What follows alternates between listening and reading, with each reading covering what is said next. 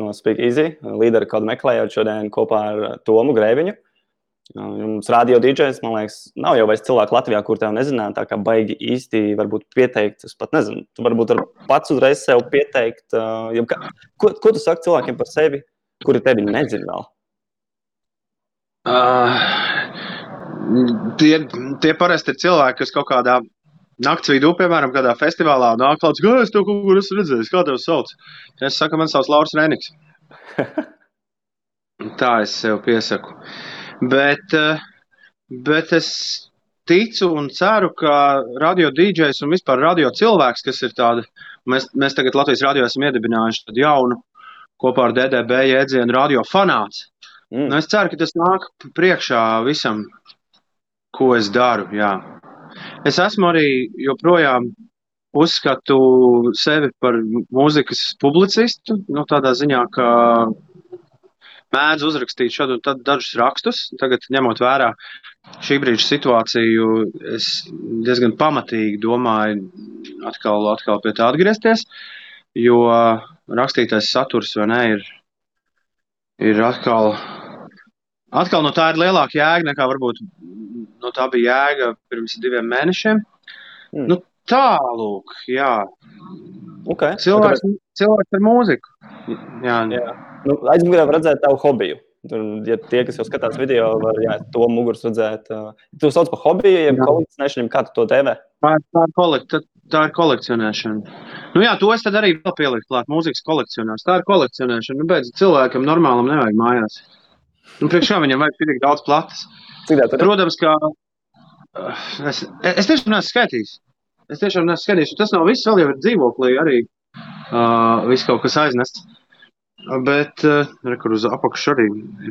Bet, uh, zini kā, uh, es tieši smējos, nu kādreiz, kad man kāds prasa, kāpēc, kam tu to visu uh, tur dari, kā, kāpēc, piemēram, tu grāmatas pērci, un, un kāpēc, tu, es arī filmas kolekcionēju, man ir, man ir gana, gana forša kolekcija ar, ar kino. Jo es mā, mā, mācījos, vienīgo reizi, kad es biju augstskolā, to pusotru gadu, es mācījos audiovizuālās mākslas vēsturi un teoriju, kas īsumā ir kinokritika. Un mm. kino ir tāda aizraušanās, par kuru es maz runāju, jo man patīk ļoti specifiskas lietas. Bet, bet, bet, bet jā, nu, man, patīk, man patīk tā sajūta, ka tev, ir, ka tev ir mākslas darbs tev blakām. Ka nevis mm. viņš ir kaut kur, Bet uh, nu, tas pats, kas, kāpēc cilvēki glezniecības pērk, nu, taču nopirkt iPad vai ne? Un viņš mainīs vienkārši Luvras gleznas vienu aiz otras. bet, bet, bet rekur es gribu, piemēram, šitāds Japāņu, es pat ieraudzīju, stāv, piemēram, Pizzicato 5 Japāņu grupa, baigi foršā. Tāda nav nemaz Spotify, un Apple Music arī tāda nav. Nu?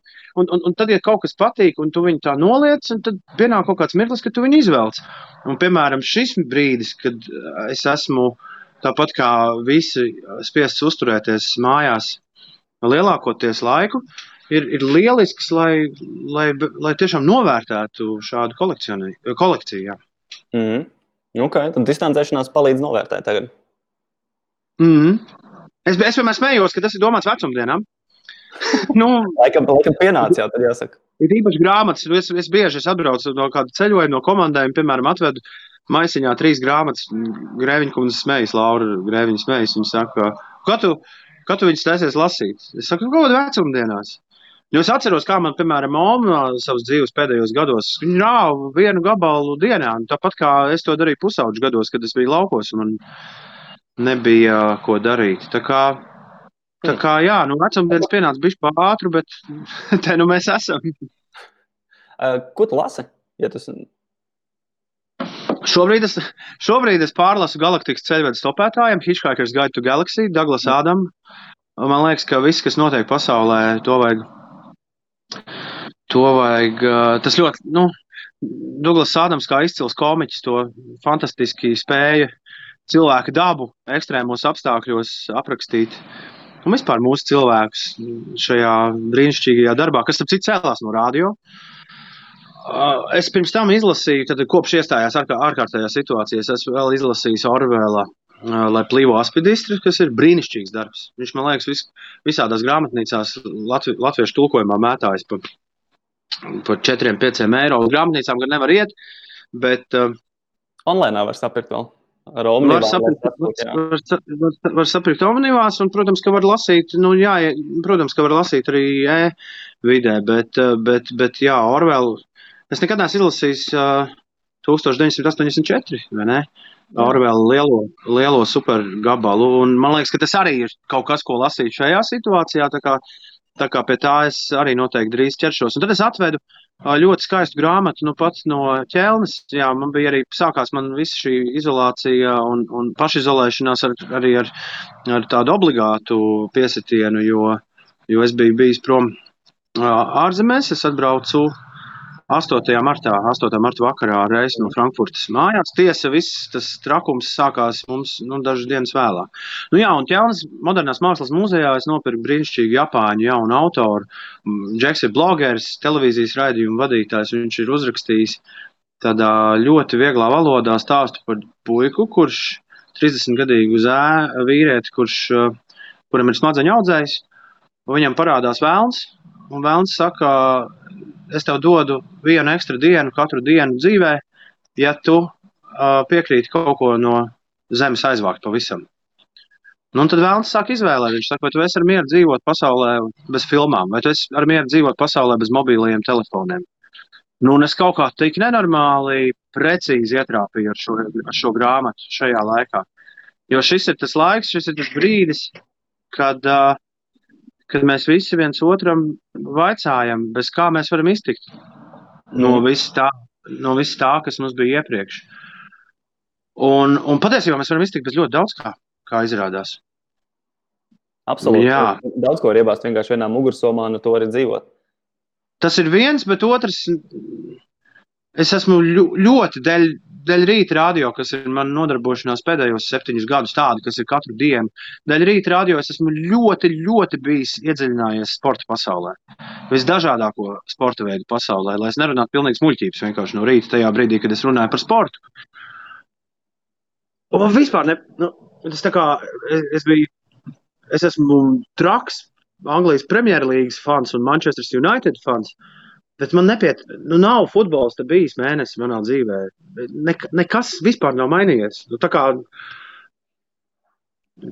ļoti interesanti. Šī ir atklāsme. Tas nav, tas nav tā, ka, nu, ka es tagad saku, ka, kā to vienā citā intervijā uztvēra kāds, ka es noniecinu sportu. Nebūtu nē, bet man ir liels pārsteigums, ka es bez tā varu pilnīgi mierīgi dzīvot un funkcionēt. 21. gadsimta vīrietis.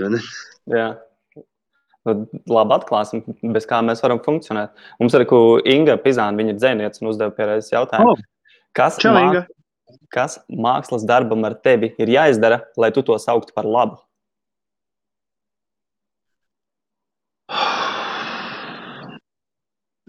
Tas ir, tas ir pilnīgi vienkārši, Inga. Tu, manā gadījumā, gan, gan runājot par mūziku, gan, gan, gan par kinofilmu vai sajūtu ziņā tu uzreiz jūti, vai tas ir labi vai nav labi. Un tad ir trešā iespēja, ka tu domā, ka paga, paga, tur kaut kas varbūt vēl būs. Bet praktiski ir tā, ka Praktiski ir tā, ka, piemēram, filmē es noteikti, nu, es gan cenšos neskatīties to, ko, Uh, to, par ko man nav pārliecības, ka tas būs kaut kas lielisks. bet, uh, nu, šeit skan šausmīgi iedomīgi, bet, uh, bet, bet, bet nu, filmām tās varētu būt 15 minūtes, 15, 20 minūtes iedot viņai. Grāmat, grāmatai noteikti, ko lūdzu? Tas ir pirmās 15 minūtes? Jā, pirmās 15 minūtes. Mm. Un, jā, ja dažreiz var arī, ja tev ir Blu-ray disks vai DVD disks uz dūlo, uzliec no pirmās filmas puses kādu epizodi. Tas arī dara, jā. Šāds pieejams. Grāmatai tas būs tas pats, ko Amazonas dod par velti. Pirmās divas nodaļas, pirmās trīs apmēram. Jā, es domāju, es ļoti bieži, tad, kad uh, man, man ir tāda, no, nā, es nāku no intelektuāļa dzimtas, man vienkārši ir tāda, tāds, tāds dzīves tāda urda iekšā. Man ir urda tas, ka es gribu zināt, kas notiek pasaulē, kas šobrīd, kādas ir tendences literatūrā, kādas ir uh, tendences mākslā. Un, un tad es to visu brīžiem pat ārprātīgi virspusīgi mēģinu vienkārši aptvert, un, un tādā ziņā ļoti palīdz no, no arī kaut kā lieliski izlasīt pirmās divas nodaļas, un tad sev piefiksēt, ok, šā, kādreiz es gribu šo, piemēram, izlasīt, uh, izlasīt pilnībā vai noskatīties. Jo, mm. zini, kā mēs nereiz neesam pieminējuši to, ka man mājās ir divi, divi delveri, vienam ir seši gadi, otram ir trīs gadi, un, un kopš viņa parādīšanās manā dzīvē ir ļoti maz laika tam, par ko es tagad runāju, ar tik lielu baudu, jo tieši pateicoties ārkārtējai situācijai, es esmu pie tā atgriezies. Ok. Bērni paņem daudz laika. Man radās jautājums, um, kas ir bijuši tādi dzīves lielie pagriezieni, kas varbūt tevi ir formējuši un veidojuši tāds, kāds tu esi tagad? Wow, wow, wow! Lielie dzīves pagriezieni. Ai, baigi gari. Bet es, lūdzu, man pārtrauc, jo es esmu, es esmu ļoti, kā tu redzi, es esmu komforta zonā šeit. Bet pir, pirmais lielais dzīves pagrieziens noteikti ir uh, Zēnu korī romāns Vanaks, Jāzep Mediņa muzikas skolas Zēnu korī romāns Vanaks. Tas varētu būt 91. gads. 91. vai 92. gads viņš izdala izprintētu un sakopētu Queen Bohemian Rhapsody nošu eksemplāru. Ir apmēram trīs džeki, kas korīs, jo es zinu šo dziesmu. Es par populāro mūziku nezinu vispār neko, jo vecāki mājās, mums bija viena bez Raimonda Paula platēm. Man vecāki klausījās tikai akadēmisko mūziku, es uzaugu tikai vienīgi ar akadēmisko mūziku, opera mūziku galvenokārt. Un uh, man bija tikai viens abas albums, kur ir Chance on Me iekšā, uh, kur bija tētim kāds draugs no Zviedrijas atvedis. Uh, tad, tad manā pasaulē bija Rēmons Pauls, Aba un uh, Giuseppe Verdi. Un tagad pēkšņi man iedod notis Bohemian Rhapsody, un mēs sākam viņus mācīties. Un nedomāju, zēnu kurs dzied Bohemian Rhapsody. Un es neesmu dzirdējis, un man nav nejausmas, un nav Spotify, nav YouTube. Tad tā nav, tad, tad nav mūzikas veikala.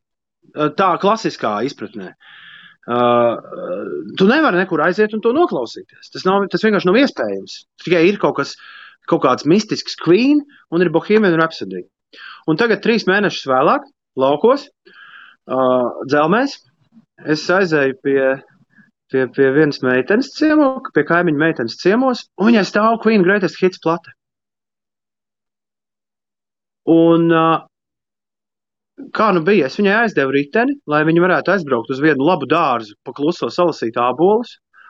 Viņa salasīja divus maisus ar ābolu un iedeva man Bohemian, uh, to Queen Greatest Hits plati. Un pagāja vēl mēnesis, es tiku līdz mājām, jo man vienkārši vecāki, man vecāki bez, bez uh, jebkādas, nu, tur uh, ucināšanas vienkārši iespundēja iekšā, uh, iespundēja iekšā laukos un visi dzīvo 60 km no Rīgas vasara beidzas, brauc atpakaļ un atkal atgriezies skolā. Un, un, jā, un es tagad ir tā augusts, kaut kāds 30. es esmu pie tā atskaņotāja mājās, es ulieku. Un saprotu, savā galvā es to dziesmu, zinot no galvas, bet zinot tikai vokālo partiju no, no kora, es viņas izdo, iedomājos pilnīgi kaut kā savādāk. Un es klausos, un viņš man tā sajūta, kas tas pat drāņķis tagad ir, kas man, kas man tur skan. Bet, eh, bet tā, ir, tā ir vissvarīgākā dziesma populārajā mūzikā, kas jebkad ir uzrakstīta. Jo, jo viņa, pirmkārt, tās ir vairākas dziesmas, otrkārt, eh, kopā vienā. Otrakārt, viņa pasaka eh, jau laikā, kad cilvēkiem, nu, vēsturē, vēsturē laikā, kad cilvēkiem likās, ka viņi visi jau zina, kas popmūzikā notiek un kā ir jāraksta populārā mūzika un kas var būt hits, kas kas nevar būt hits. Tā ir tāda dziesma, kas rīktīgi iesit uh, pa deniņiem visiem. Un sagrieza, sagrieza vērtības, un atkal lika radošiem cilvēkiem paskatīties uz lietām pavisam savādāk. Un man, man nekad nav apnicis Bohemian Rhapsody spēlēt diskotēkās. Es parasti to spēlēju kaut kādos grandiozos finālos. Uh, jā, tas noteikti ir pagrieziena mirklis viss šis stāsts, kā es iepazinos ar Bohemian Rhapsody. Otrs pagrieziena punkts ir Glastonbury's festivāla apmeklējums 2002. gadā. Nu, atkal, tu esi, klau, tu, esi mūzikas, tu esi tāds jauns melomāns. Galvenokārt, klau, es klausos, tā man ir 20, es klausos Vēsture man interesē, es zinu, ka man viņa jāzina, bet man rīktīgi aizrauja tas, kas notiek tajā brīdī. Un tā tas ir visiem cilvēkiem, kuriem ir no 20 līdz 25. Viņiem, viņiem rīktīgi aizrauja, ja viņi interesējas par mūziku, tieši tas, kas notiek šajā brīdī. Un, un, un, un es aizēju, jā, es dabūju man, man akreditēja Glastonbury's festivālu kā žurnālistu. Tas jau vien ir notikums. Uh, jā, man nosedza daļu biļetes žurnāls Sīrups, eh, jaunie, jauniešu tīņu, kurā es tajā brīdī rakstīju par mūziku. Biļeti, jā. Zin, es biju, jā, nu tā es aizbraucu uz, uz to Glastonbury un pēkšņi es esmu pasaules lielākajā roka festivālā. Un pēkšņi visas tās grupas, kuras es, esmu mājās klausījies, viņas ir kur ir. Un, uh, un tā es laikam līdz galam iemīlēju uh, jā, dzīvo mūziku un, un, un, un visu to koncertu padarīšanu. Nu, un trešais pagrieziens ir 6. jūlijas. 2013. gads ir apmēram divas nedēļas darbojies Radio 101. Tas bija galīgi traks projekts. Tagad tā atskatoties. Jā, Radio 101 ir bijis divas nedēļas gaisā. Es ieeju uh, pie Radio 101 tāds Nārvasens, es ieeju viņā iekšā, nopirku kafiju vai kolu. Un pēc tam paliek bez vārdiem, jo man priekšā stāv meitene, kur, uz, uz kuru es esmu diezgan daudz paskatījies internetā, jo ir jau, ir jau tas laiks sācies. Uh, mēs esam Facebookā draugi, mēs esam draugos draugi. Un, uh, Un, un es viņu biju, mēs, mēs bijām saredzējušies arī iepriekš, un, un, bet tajā brīdī es viņu, man, es saprotu, ka man ir ar viņu jārunā. Un, un, un tā ir tieši tāpat sajūta, ka es esmu bērnu dārzā, kaut kādā piecu gadu vecumā. Man bija, es atceros, mums bija rīktīgi ieskatījies vienā meitenē, un, un, un pēkšņi, kad man ir iespēja ar viņu runāt, es stāvu un es saprotu, ka man vispār nav ko teikt. Un, un, un sekund vēlāk es saprotu, ka es vienkārši iemīlējies līdz ausīm tajā, tajā pašā brīdī. Un mēs parunājām, mēs parunājām kaut ko pilnīgi muļķīgu. Uh, jā. Un pēc šīs tikšanās, loģiski, ka sākām sarunāties arī internetā, ne tikai tur viens otram laikus spaidīt. Un, un jau kādas pāris nedēļas vēlāk dejojām manā dzīvoklī pie Arcade Fire bija nu pat iznācis suburbs albums. Jā, tas tāds uh, sen nebija nevienam šo stāstījis. Tas, tas, tas, tas tajā brīdī, no, no tā brīža viss dzīvē ir pārvērties un tikai un vienīgi, un mainījies un tikai un vienīgi uz labu. Un, un man ir prieks, ka es esmu saticis īsto sievieti savā dzīvē. Tad tu tikko apstiprināji to mīlestību no pirmā skatiena? Ne, nu tāda ļoti tāda patikšana jau bija pirms tam. Bet uh, nu, mēs bijām, es saku, mēs bijām, mēs bijām vairākas reizes redzējušies visādās random vietās. Pie, nakts vidū pēkšņi, pēkšņi viņi stāv pienā, kamēr es dīdžejoju, tad uh, Londonas Stanstādas lidostā mēs stāvam uz paskontroli, jā, viņi ir kaut kur tur pāris rindas uz priekšu. Jā. Tā, tā mēs bijām saredzējušies, bet tā mēs, mēs vispār mēs sanāk, laikam, ka mēs iepazināmies internetā, nu, tehniski. Mm -hmm. Tas ir normāli 21. gadsimtā. Mm. mums es atceros to dienu, tas bija tik nenormāli interesanti. Es bērnās tajā laikā strādāju vakaros ēterā, kas bija diezgan traki priekš sociālās dzīves. Es beidzu ēteru 11. vakarā laikam, un es aizbraucu mājās ar riteni. Es dzīvoju vecrīgā, tur bija 5 minūtes. Un es tā sēžu, pēkšņi apsēžos, ka tāds muļķis vienkārši smaidu. nu, tādās dienas beigās, ka tā, tas kaut, nu, jā, kaut kas ir noticis. Un, un tagad tikai jāsaprot, kas vai ne. Jā. Mums gan no Annetes, gan no Annete un Anita abas uzrakstīja, ka ļoti foršs stāsts, cik kas cilvēks aizkustina. Paldies! Un uh, mums no Salbi ir jautājums. komentārus, starp citu, bet tas, es, tas nekas. Es tur pirmie, es cik pa laikam izceļ, tad, kad viņi uzrodas aktuāli tajā brīdī. Bet es tam nolasīšu, uzrodas viņi. Un no, sal, no Salvija ir uh, nojauši, ka arī tu gatavojies Rīgas maratonam, kādai no distancēm. Šobrīd, kad viņš ir oficiāli atcelts, saki, vai tu turpini savus treniņus? Es negatavojos Rīgas maratonam. Rīgas maratonā es jau vairāk kā desmit gadus esmu oficiālais mūzikas pārziņas. Es atbildu par visu mūziku, kas skan startā un finišā.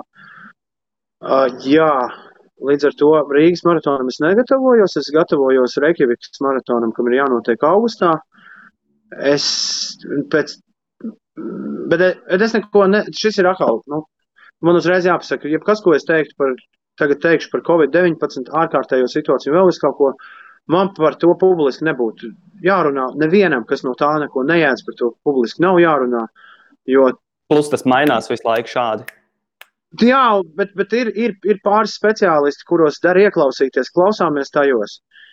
Bet mana priekšnojauta saka, ka nenotiks nekāds Reikjavikas maratons.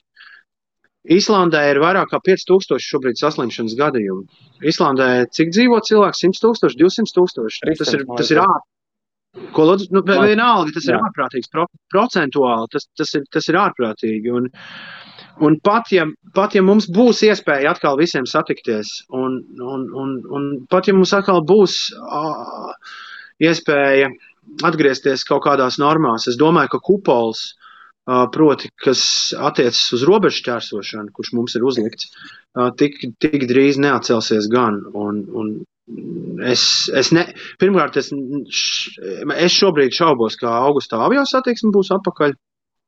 Un otrkārt, es šaubos, ka abās, abās vietās viss būs tā, ka par to var neuztraukties. Tā kā savā prātā es esmu esmu atcēlis, bet sev skriešanas ziņā es esmu metis jaunu izaicinājumu eh, līdz ar, ar gāru. Skriešanas pasaulē šī ir svarīga, šis ir ļoti svarīgi. Garmins, man ir pirmais garmins, jā, līdz ar garminu iegādi. Tad, Rokas, jā, šis es, pulkstens, domāju. Jā, beidzot, pulsometrs, eh, beidzot viss ir skaidrs, es skrienu, es, es skrēju ķert vēju, visu savu pirmo skriešanas gadu. Pagājušajā svētdienā, tas ir palika gads kopš es kopš vispār es skrienu. Un, un, un, un, jā, un tagad man ir, tagad ir stāsts par to, ka ir jādabū ātrums pret sirds ritmu normālā pozīcijā. Un tagad trīs mēnešus es lēni kā gliemezīts 140, ar 142 piesitieniem minūtē sirdī un ne vairāk tipināšu uz priekšu. Tādā veidā vienkārši ceļot tempu, ko es varu noskriet šādā veidā. Tas, tas notiks līdz Jāņiem, bet man nav treniņa plāna. Uzreiz jāpasaka, ja ir labs laiciņš, šobrīd, ir, kas ir interesanti, it kā būtu vienalga par to, kāds laiks ir ārā.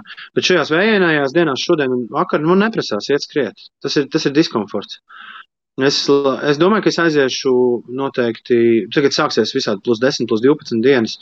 Es noteikti drīz aiziešu, un, ja, un, ja laiks būs labs, skriešu katru dienu. Jā.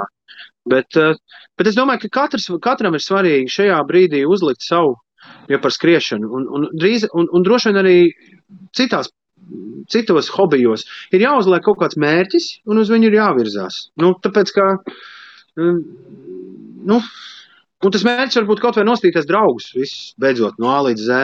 Labi, ka tu pieķēries pie mērķiem. Kā tu priekš sevis uzstādi mērķus un kā tā tīri tehniski, ja mēs pieejam? Ļoti, ļoti ambiciozi.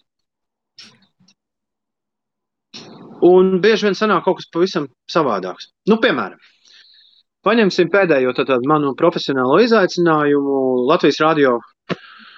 Viss lielais Latvijas radio, un tajā tātad, līdz ar manu ierašanos uzrādījās jauns, jauns organisms, ko sauc Latvijas radio 5, 5 LV.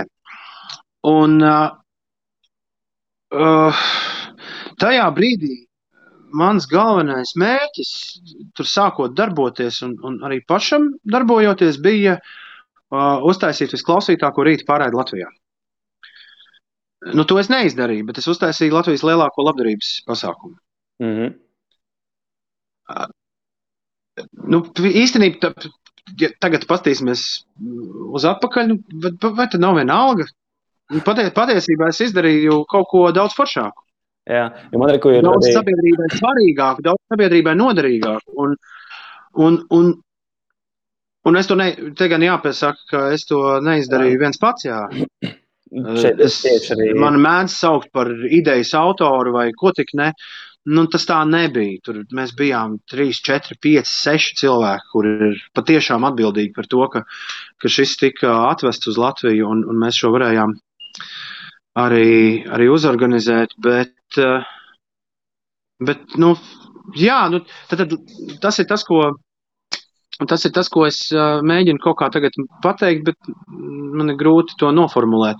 Nu, tad, tad ir svarīgi būt mērķim, bet nav svarīgi viņu sasniegt, ja tiek sasniegts tāpat laikā kaut kas cits. Nu, tā teiksim. Un manā dzīvē šādi ir bijis ar, ar daudz ko.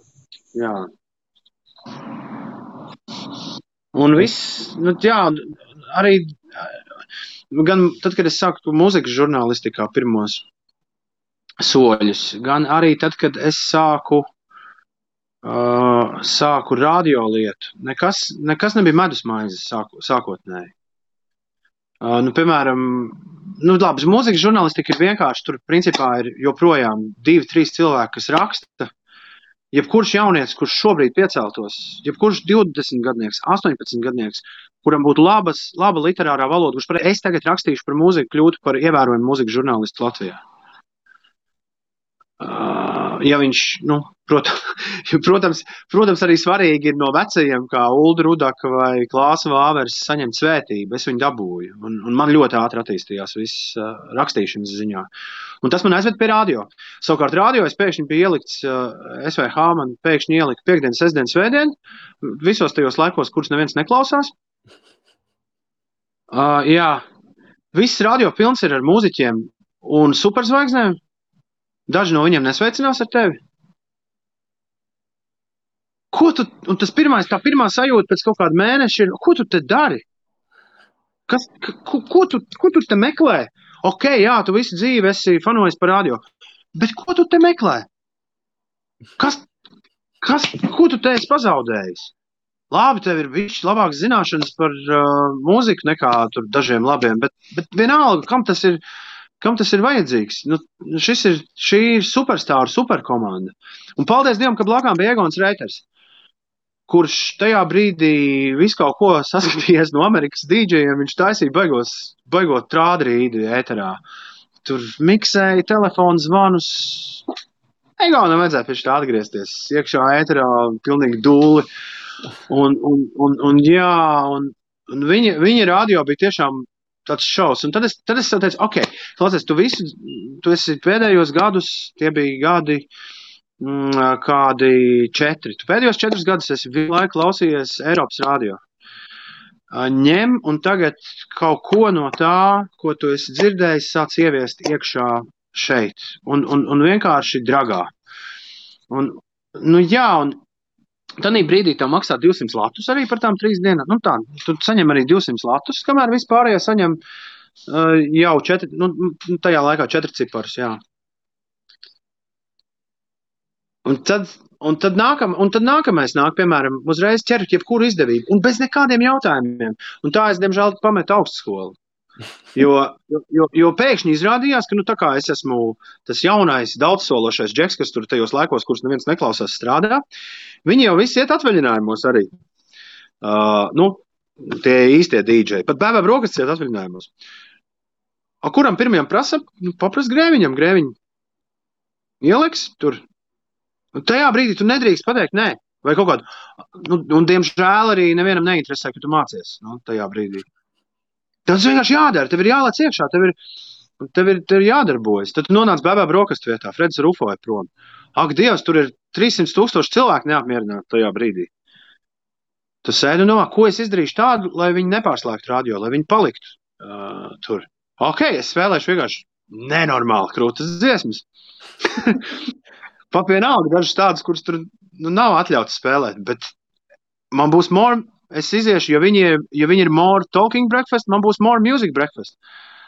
Un šitā te lēnām, soli pa solim, tikai un vienīgi uz priekšu. Un, un, un, un, jā, un par to naudu es pieminēju, un tā tas ir visur. Aiz, nu, par mūsdienu jaunatni ir tāds mīts, patiesībā tas ir mīts, cik es strādāju ar 20 gadniekiem, ar, ar, ar, ar 18 gadniekiem. Tas ir mīts, bet ir mīts, ka jaunieši mūsdienās grib uzreiz saņemt baigo naudu. Nu, aizmirst, nu, tā, tas, tā tas nestrādā, tā tas, tā tas nedarbojas. Vienkārši dari savu lietu, un, un vienā brīdī par to cilvēki, ja tas cilvēkiem aizvien vairāk patiks, tu vari sākt gan saņemt, gan arī prasīt vairāk, vairāk naudas. Un viss. Pure and simple. Jā, nu tā, tā kaut kā. Un, un līdzīgi arī Un tas, šis ir jāatceras vienmēr. Un, un, un radio redz, tā problēma ir tāda, ka to klausītāji viņi ir tik, cik viņi ir. Nu, jūs visi, jūs esat tik, cik jūs esat. Un jūs jau kaut ko klausāties. Īpaši taisot jaunu radiostaciju. Es esmu divus uztaisījis, piedalījies viņu, teiksim, tā, viņu taisīšanā savā mūžā. Un tie, tie klausītāji jau tajā brīdī klausās kaut ko citu, tev viņi ir jāpaņem no kaut kurienes.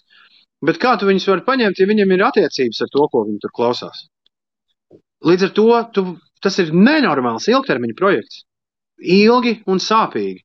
Piecinieks joprojām ir maza radiostacija visā kopējā Latvijas jūrā. Šī nauda te, či, či, či, či. mini, mini, mini, mini. Mēs tur cīnāmies ar citām mini, mini, mini savā, savā līgā. Mēs esam premjership. Mēs, ne, mēs neesam premjerlīga. Tu saki, gan es uh, piecēlē, gan ir vienīgais, ko es klausos, kad es braucu mašīnā. Tas gan maz sanāk braukāt, bet vienmēr uzslēdz to. Kā... Tas ir tas izaicinājums atkal radio biznesā, kas mums ir šobrīd, tāpēc mēs ļoti podka attīstīsim podkāstingu, ļoti daudz strādājam ar Instagram laivu šobrīd. Uh, jā, jūs, mums, mums kaut kā jādabū jūs atpakaļ, jūs mašīnu klausītāji, lai jūs kaut kā arī mājās kaut ko no mums patērētu. Sabiedriskiem mēdījiem bija vieglāk. Mums, tu vari mūs patērēt visādos veidos. Tas nav svarīgi, vai tu klausies reāli radio, vai tu uzliec podkāstu, vai tu paskaties, ko mēs darām Instagram laivā. Bet, eh, bet šis, ir, šis šobrīd ir izaicinājums. Nu, es, ka, man ir tāds mīļš teiciens par piecinieku, ka piecēlē ir mazs radio, bet ar lielu sirdi. Hm. Man liekas, tas, tas labi atbilst. Jā. Tas labi atbilst tam, kā ir. Šis beigas labi iet kopā ar manu nākošo jautājumu kas ir savā ziņā saistīts ar miedarbojas ar motivāciju kā tādu, jeb kāpēc tu nepadodies? Es nezinu, es esmu maratonists. Izrādās, ka jau kādu, uh, kādu laiku bija, bet es to nezināju. Es, es, es redzu lietas ilgtermiņā. Nu, saprotu, kā nu, nu, kaut kad jau tas, kaut kad jau tas piecinieks būs starp. Uh, kaut kad viņš tiks Premjerlīgā, viss jau to norāda. Un tad, kad mēs būsim, un ja tas notiks vēl, kamēr es tur būšu, vienalga vadībā vai ēterā, nu tā, tie augļi būs tik saldi, kā, kā neviens cits auglis. Jā, jo, jo nu, ilgtermiņā viss ir jāskatās lielajā plānā, tāpēc ka savādāk, ja tu izstājies no spēles pēc diviem, trim gadiem, nu, pie, piemēram, pieciniekam tagad ir, būs septiņi. Nu, tad kāpēc? Nu, tad man, man, man, pēc tā kā es domāju, ko es, kā es skatos uz dzīvi un kāda man dzīves filozofijas, es nometu zemē to laiku. Vajadzēja darīt kaut ko citu. Jo Jo to jau mēs tagad redzam, katrs arī pēc sevis. Nu, cilvēks nav paredzēts pārmaiņām. Nu, tāpēc mums tie kaķi patīk, jo kaķiem arī nepatīk pārmaiņas. Tad tieši nu, to tā kā salinkojot kopā ar grāmatu, par kuras runāju. Jā. Cilvēkam, ne, nu, cilvēkam nevajag. Cilvēkam vajag darīt vienu lietu un viņu izdarīt kārtīgi. Un tad var darīt vēl visu kaut ko, ko gribi darīt. Kas tev skaidrs? Un, viņš? Nu, ja tu tādu prasi, tad es, ir jānotiek milzīgam brīnumam, lai es, aiziet, lai es vēl kādreiz nonāktu kādā citā radio un pamestu Latvijas radio. Bet Latvijas radio kā lielu uzņēmumu. Tad nerunāsim par atsevišķu, teiksim, par piecinieku, bet, bet, bet, bet nu, tad, tad es pats sev pārsteigšu, ja tas, ja tas kādreiz notiks.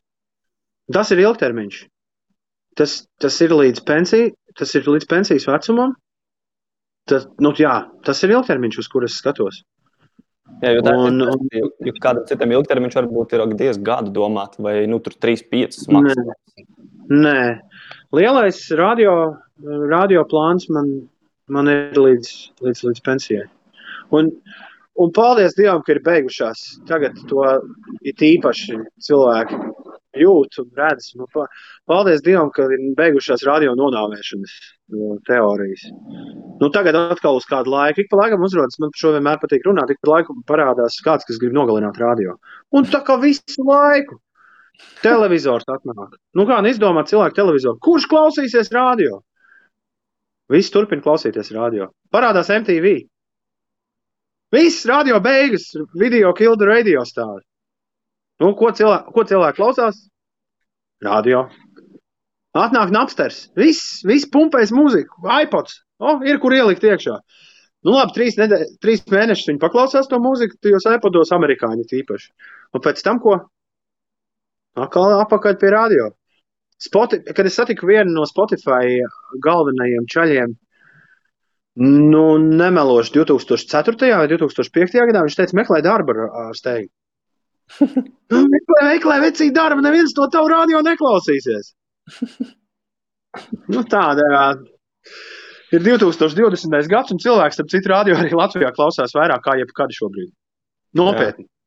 Tas ir, tas ir statistiski pierādīts, un, un es domāju, viss tas, ko mēs tagad izdarīsim, Latvijas rādio izdarīs podkāstingu jomā, jo nu beidzot ir laiks. Uh, šis ir īstais brīdis, un tas nebija jādara pirms pieciem gadiem, tas, jādara, tas nav jādara pēc pieciem gadiem. Šis ir īstais brīdis uzšaut Latvijā podkāstinga debesīs. Un, un, jā, un es ticu, ka Latvijas rādio kā satura karalis būs, uh, būs tas vilcēja kuģis, kurš tālāk aiz sevis visas tās flotas uh, mm. vilks, kas sekos. Es, es, ļu, es ticu, ka tas tā būs. Nu, tā kā tā, kā tā jā. Jā, Beidzu. Nē, nu, izklausās, ka tās tā kā, nu, visiem šiem podkāstiem tā, tāds, ka vilnis beidzot ir, un tas surfers tur gaidīja, gaidīja, tagad, man liekas, tā kā var, var, var sākt iet uz priekšu, izmantot viņu. Nu, pie, piemēram, pirms sešiem, gadi, pirms sešiem mēnešiem vēl, es to zinu dēļ, protams, savas sievas, kur uh, ir uh, Spotify vidē ļoti veiksmīgi uh, iestartējusi. Man šķiet, kopš dienas, kad viņi palaida savu podkāstu pa kluso. Nu, viņi ir pirmajā vietā Latvijas Spotify. Uh, bet, bet cipari vēl pirms sešiem, tajā laikā, pirms viņas parādīšanās, viņi bija katastrofāli. Cik es biju bišķiņi paspiegojis un papētījis. Uh, tieši klausītam materiālam. Cilvēki, jā, cilvēks skatās YouTube. Tas ir Latvijas in interesantā lieta. Cilvēks skatās YouTube. Laurai ir pat fantastiski rezultāti. Pēc tam, tu, ja kāds interesants var aiziet apstīties, viņi ir fantastiski savāc pat ar to, par ko visi saka, ka tā ir nāve, to nevajag darīt. Laurai ir vienkārši viena bilde un audio YouTube. Un tam pat ir uh, tūkstošiem skatījumu. Uh, tā kā, tā kā jā. Okay. Vēl kaut paralēls. Mēs tur pirmie jau parādījām jau bildi, arī tu arī, man liekas, pamanīji mm. viņu. Un, uh, Protams, protams.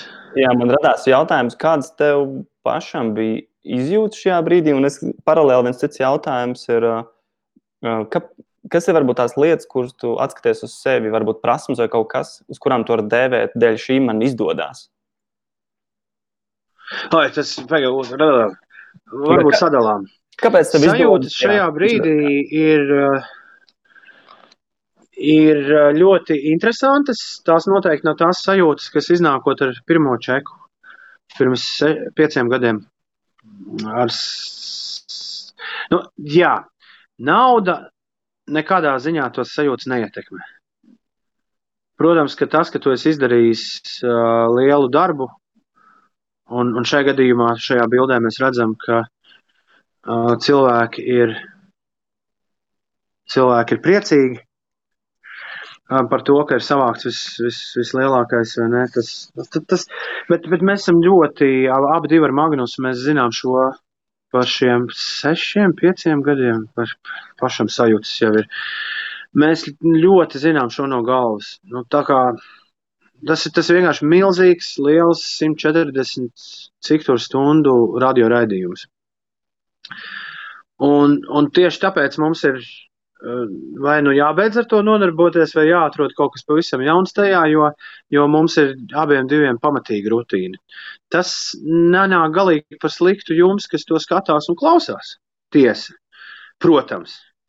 Bet, ja tu domā, ka, nu jā, bet, bet tas moments, kas bija pirmajos gados, kad tu iznāc ārā un tu saproti, ka tavu dzīve ir pārvērtusies, ka tas ir atkal viens profesionāls. Tas nav, tas nav tas punkts, par ko tu prasīji, bet šis ir profesionāls punkts, kas, maina, kas tiešām tavu dzīvi izmaina. Uh, izmaina tavu profesionālo dzīvi. Uh, jā, tas, tā sajūta ir pazudusi. Diemžēl.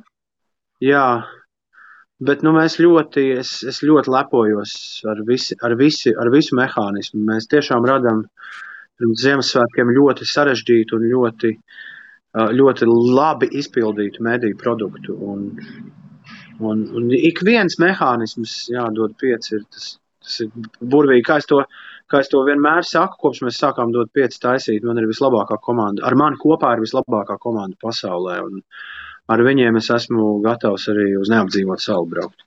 Hm. Tas par sajūtām. Otra lieta, ko tu prasīji, bija. Kāpēc tev izdodas? Uz ko tas dara? nu, Pagaidiet, nu, saprotu, tas ir vienreiz Stenzinieks bija laikam uztaisījis forši uh, Edvardiem. Ja tas bija kāds cits, ja reklāmists kāds skatās, tad uh, sorry. Bet bija Edvardiem tāds nenormāli plakāts, nenormāli daudz fail, fail, fail, fail, fail un galā viņi. Nu, tu, It īpaši, ja cilvēki nesaka, ka tas, ko ja lielākā daļa cilvēku nesaka, ka tas, ko tu dari, ir sūds, diemžēl ir mūziķi un, un, un jā, ir mūziķi, pie mūziķi man visvairāk nāk prātā, tāpēc, ka o, it kā sarakstīt dziesmu, dažiem šķiet, ka tas ir ļoti ātri, ļoti, ļoti šitā te, un dažreiz tiešām tas tā arī ir. Dažreiz ir, kā Lenons saka, pirmdien es sarakstīju gabalu, svētdien viņš ir pirmajā vietā topā. Ir īpaši mūsdienās tas tā ir, tā ir iespējams, bet, bet mūziķi un ļoti bieži jauni mūziķi, kuri grib kaut ko darīt mūzikā, ir ļoti stūrgalvīgi. Viņiem visi saka, nu, droši vien, ka ģimenes locekļi nesaņems to pateikt, bet visi viņiem pārējie saka, ka vecīt, tad nav jādara tas, ko tu dari. Nu, tas nekam nedara. Bet nē, viņi vienkārši mauc. Un, ja tas tā nav, nu, ja ir cilvēki, es vēlreiz saku, nu, piemēram, no, no savas pieredzes, ja ir, ja ir daļa, kam tas, kam tas patīk, kas, kas uz to pavēlkas, vienkārši turpini darīt. Dari, un, un, un, un, un tas, viss, tas viss notiks. Nu, vienā dienā, tu, piemēram, par dzīvo dīdžingu, to mēs šodien vispār neesam pieminējuši. Es nekā, kas es biju par dzīvu? Es, tad, kad, tad, kad es sāku strādāt radio, radio man neviens neteica, ka man būs jāstāv kaut kur uz skatuves milzīgi cilvēku priekšā. Ja godīgi, man ir diskomforts. Tad, kad ir vairāk par desmit cilvēkiem manā priekšā, rīktīgs diskomforts. Un pēkšņi mans pirmais dīdžers ir nopietnēs. Padomāju, man noliek radio SVH 15 gadu dzimšanas dienā. Tiesa ir 4 no rīta atkal laiks, kad it kā nevienam nevajadzētu būt. Bet ķipsels hālē ir palikuši 2000 cilvēki. Un es tur ar trīsošām kājām kaut ko mēģinu, kaut kādus gabalus, gabalus mainīt. Es neko nezināju par dzīvo dīdžeju. Man tas maz interesēja. Es zināju, cik tev nenormāli, tīpaši tajā laikā viss notika uz platēm. Es zināju, cik tev nenormāli treniņu stundas jāiegulda, cik tev ir jāiegulda nauda tajā visā. Nauda, kuras man nekad nav bijis, kas, kas, interes, kas ir interesanti. Un, un, un es teicu, jā, viss, viss, ko es esmu nopelnījis, ir ieguldīts šitien te. Tas ir, tas ir liels ieguldījums. Bet, uh, nu jā, tas, ko es gribēju teikt, un tad pēkšņi kaut kas saslēdzas kopā. Mm, un, un manā gadījumā tas, kas saslēdzās kopā, bija tas, ka pēkšņi parādījās ļoti labi jauni digitāli risinājumi, kā dīdžejot, un man tas uzreiz pavilka, jo es biju času gadget freaks. Atkal man nevienmēr ir līdzekļi, lai iegādātos visu jauno, visu foršo. Bet brīdis, kad vairs nav jāraksta kompaktdiski matricas, kad es ieraudzīju pirmo DJ kontrolieri, Dēmī, tu vari tagad spēlēt vienkārši MP3 pa taisno. Oh! Un kaut kā nebūt tieši te, tas laiks saslēdzas ar to, ka pie šipsī, jo es palīdzēju instrumentiem pirmajos soļos diezgan, diezgan pamatīgi. Pie šipsī mājās ir tāds jauks vakariņš, kurā mēs vienkārši sēžam un pļāpājam. Un ir atnācis Mārtiņš Mielovs. Kurš man pēc tam teica, vispār tu jau man drausmīgi besīji, bet es domāju, kur, ko tas tur dara. Bet, bet ar kur mēs ļoti labi, ar Mārtiņu mēs labi sadraudzējāmies. Un Mārtiņš stāsta, ka viņam vienalga būs tāds piens. Es prasu, kas tur ar mūziku. Man jau, protams, nu, tā interesē. Viņš tā, mēs spēlēsim kaut kādu 60. gadu hipiju roku. Tas ir tas, ko viņi bija iedomājušies. Tur skanēs tikai, tikai 60. gadu mūzika. Un kaut kā es ietrāpu pienā. Vēl pirms viņš ir oficiāli atvērties, man Arthurs Mēnesis pasauca uz vienu balīti, kur mēs kopā mešapus spēlējām. Un nākamajā dienā man zvanīja Mārtiņš, kas saka, klausies, nāc, nu, jānāk, jānāk spēlēt pašam. Tā kā mēs tagad būsim vaļā, Un pēkšņi tev ir tā mazā telpa pilna, cik tur var iespiest, kad 600, 500, ne, 400 cilvēkus. Es tagad domāju, varbūt tikai 300. Viņi ir pārpildīti un divos naktī viss, ko tu dari ar cilvēkiem, viņi, ja kas, ko tu viņiem liec priekšā, viņi vienkārši iet abnormāli pa gaisu. Un, jā, Un, un tas krūtākais, kas bija tieši ar pienu, un, un es nezinu, vai es to piedzīvošu vēl kādreiz kādā vietā, bija tas, ka es varēju, balva sākās desmitos vakarā. Pirmās radio pārraides eh, no Eiropas sākās astoņos vakarā. Deju mūzikas pārraides, kur tu dzirdēji pilnīgi svaigas lietas, kuras šu, tajā brīdī ir pilnīgi jaunumi Londonā, Ņujorkā, Miami, tajās Ibizā, Un tu varēji tos gabalus paņemt, aiznest momentā uz Brīānu ielu. Un pusdienos naktī cilvēki pie tā juka prātā. Viņi bija gatavi ņemt. Tas bija tas retais mirklis, ka viņiem nevajadzēja to, ko viņi zina. Viņiem tieši vajadzēja to, ko viņi nezina. Un, un, un tas priekš manis, Džek, kurš urbi to mūziku, bija, bija, bija ļoti, ļoti svarīgi. Nu, un palā, tā kā tas balvas bija šausmīgi garas, es pēc reizes arī miksēt iemācījos tīri neslikti. Ko es nekad neesmu mācījies. Tātad šim, šai tehnikai es nekad neesmu gājis cauri ar kādu skolotāju, es to visu esmu apgūs pašmācības ceļā. Un, un, jā, un tā es pēkšņi kļuvu par, par, par dzīvo dīdžeju. Kā... Nu, nav, un izrādījās, ka jā, laikā, kad mums ar, tur, ar 101 bija ļoti lielas, uh, lielas finansiālas grūtības, izrādījās, ka ar to var arī naudu pelnīt. Un tas, kas man liekas, kas ir forši, ka tieši par to naudu un instinktu pelnīšanu, ka tev ir, man, nu, ka man ir backupi. Nu, balvas tagad, disenas ir beigušās, vai ne? Pasākumu vadīšana ir beigusies. Gandrīz, vai virtuāli varbūt vēl kaut kas būs. Bet uh, es taču māku rakstīt. Skaidrs, ka es nevaru vairs uzrakstīt, tā, uzrakstīt labu rakstu tādā tempā, kā es to mācīju, tad, kad es strādāju uh, iknedēļas, uh, iknedēļas žurnālā. Bet, uh, bet nu nekas, nu samācīšos atkal. nu kā, nu tas, tas ir vienkārši tā ir darīšanas lieta. Ar, ar rakstīšanu jo īpaši uh, ir, ir jātiek vaļā, tad, kad tu maz raksti. Tad, tad, tad sākas šis, ah, man nav iedvesmas, oh, nē, es tagad sēdēšu kaut kādā Kaut kādu laiku es sēdēšu, tagad domāšu, ko es kā es te varu uzrakstīt. Nē, varbūt te jāuzstājas, aizjām uzstājas te. Varbūt mm. trešo. Kas interesants ir Instagramā? Nē, pagaidi jāuzliek, lai varētu rakstīt, jāuzliek plati. Tā, nu ko mēs varētu uzlikt? Ne, desmit minūtes. Jā, meklējam, ko mēs, ko mēs klausīsimies. Nē, nē, nē, nē, tāds nestrādā. Tu apsēdies un tu raksti. Jā ir ļoti labs, ka tas bija Hemingvejs. Jā, man liekas, ka Hemingvejs, kurš atļāva sev, ja viņš bija uzrakstījis to devu, kas viņam ir jāuzraksta, tad viņš atļāva sev uh, pudeli vīnu un austerduci. Hmm. Savos Parīzes laikos, jā. Es viņam taču piecēļas deviņos no rīta un dažreiz jau vienos ir krogā. Ko tu sev atļāvi? Jā, jā, nu... Tu sev arī tā motivēt tādā veidā, ja ne? Jā, es sev noteikti šādi motivēju. Visā, visādās lietās. Tad, kad es izdarīšu šo, tad es sev atļautu uh, to un to. Diemžēl bieži vien man ir, es ļoti mācos laika menedžmentu. Arī šodien, priekš intervijas, es skrēju uz mājām no radio, kuras esmu bez mazliet vienīgā dzīvā dvēselē savā stāvā. Es skrēju uh, no radio mājās, lai, lai, lai Uh, jā, un nepagūvu izdarīt visu līdz galam. Tas, tas ko es gribēju teikt. Es, ne, es nemāku izrē, izrēķināt pareizi. Man liekas, ka tas apjoms, kas man bija jāizdara, jāveic radio, ka es viņu pagūšu līdz 11. Es nu, nevēlu ne, neizdarīju līdz galam. Tā kā man būs tūlīt pie darbiņiem bišķi jāatgriežas. Mm, mm. Bet, bet, bet ļoti motivējoši tas, ka, jā, Diemžēl bieži gadās tā, ka nu, tad, kad tu to esi pabeidzis, ka tev vairs nav spēka tam, uz ko tu sev motivēji. Bet nu, tas, tas, atkal ir, tas atkal ir cits stāsts. Jā. Kā, ļoti bagātīgs atbildes dod un diezgan kodolīgs, skaists. Izklausās, ka tā tikko Anita pierakstīja, kad viņa saka, ka vajag vēl kubus cigāru klāt tam vīnam, un kas tur bija austrēm. Nē, nē, nē. Es atmetu pīpēšanu, tad, kad es ar Lauru iepazinos. Tad, kad sāka lēnām šķist, ka laikam tas ir nevis, ka, nu jā, ka, tas, ka šis arī ir vēl viens maratons dzīvē, un, uh, un viņi nepīpē.